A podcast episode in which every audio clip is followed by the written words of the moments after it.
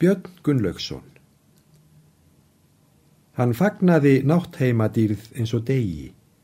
Hans dragandi þrá var hið alstyrnda kveld. Þá skignist hans andi um skaparans vegi, skýrður og síkn vóðan ljósberans eld. Aldrei var tengdar í hugur hjarta. Háspeki lífs skein af enninu bjarta og Ísland hann steg undir stjarnasvegi Sú stórdáð skal aldrei úr minnum feld. Nóttin útræna naman í fóstur og nafnans er frækt meðan stjarnavor skín. Við fjúkandi mjallir, gatta og gjóstur, hans geð tók svip við jöklanna brín. Náttskaldið háa himnana brúar, höfðingi vits og barn sinnar trúar. Svo kleifan hér tinda og tróð bor hrjóstur, trött stór að anda og vallar sín. Öræfa byggðir og eyðigarðar af einherja lands skráðust nær og fjær. Víðáttur fróns, bæði fjalls og fjarðar, föstnudu þjóðvorri kót og bær. Heljarverkið unnið af einum, undraðist heimur, hann líktist ein einum. Nafni hans merkjast minnisvarðar miklir og hjarta fólksins nær. Vit þyrsta andvakan eilífrar nætur, utan við ljósgeim á nafn ekki til. Hún leitar síns upphafs við lindir og rætur, uns loks rekjast sporin að óskapnas heil. Þar fangvefjast alveldi auðna og kyrða, orðlaus á tungu jarneskra hyrða. Þar finnst ekki þél sem gleðst eða grætur, eignesti sem færir skímu nýja yl.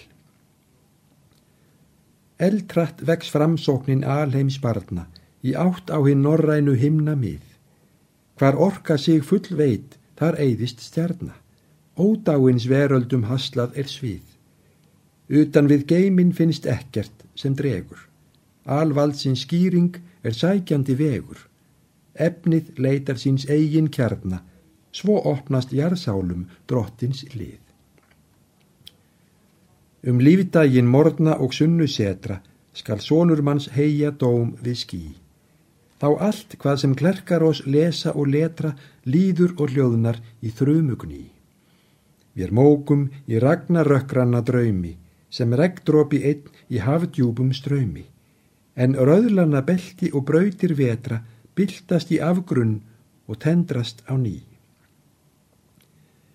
Eddunar skóla ber eilífð að skilja. Á ógrinni himna leggst tala og mál. Vort eðli ber dýpi, hæða og hilja, heilugu vísindin gemdi vor sál. Höfnum eigi sjálfdæmi eigin vors anda, um ódáins grunin þjóða og landa. Við skinnjum af jarnesku viti og vilja, það við sem oss gemdu hinn forn helgu bál. Höfundur njólu var göfgur og góður. Gilva himins hann flutti sinn brag. Svipur hans dvelst með oss, hár og hljóður. Harpa hans flytur oss voldugt lag. Svo knúði hann óttalauðs hurðir að hæðum. Hreinn hann varpaði duftsins klæðum. Við reikningsskilin var ríkur hans sjóður. Svo reys hann frá nóttu í eilífan dag.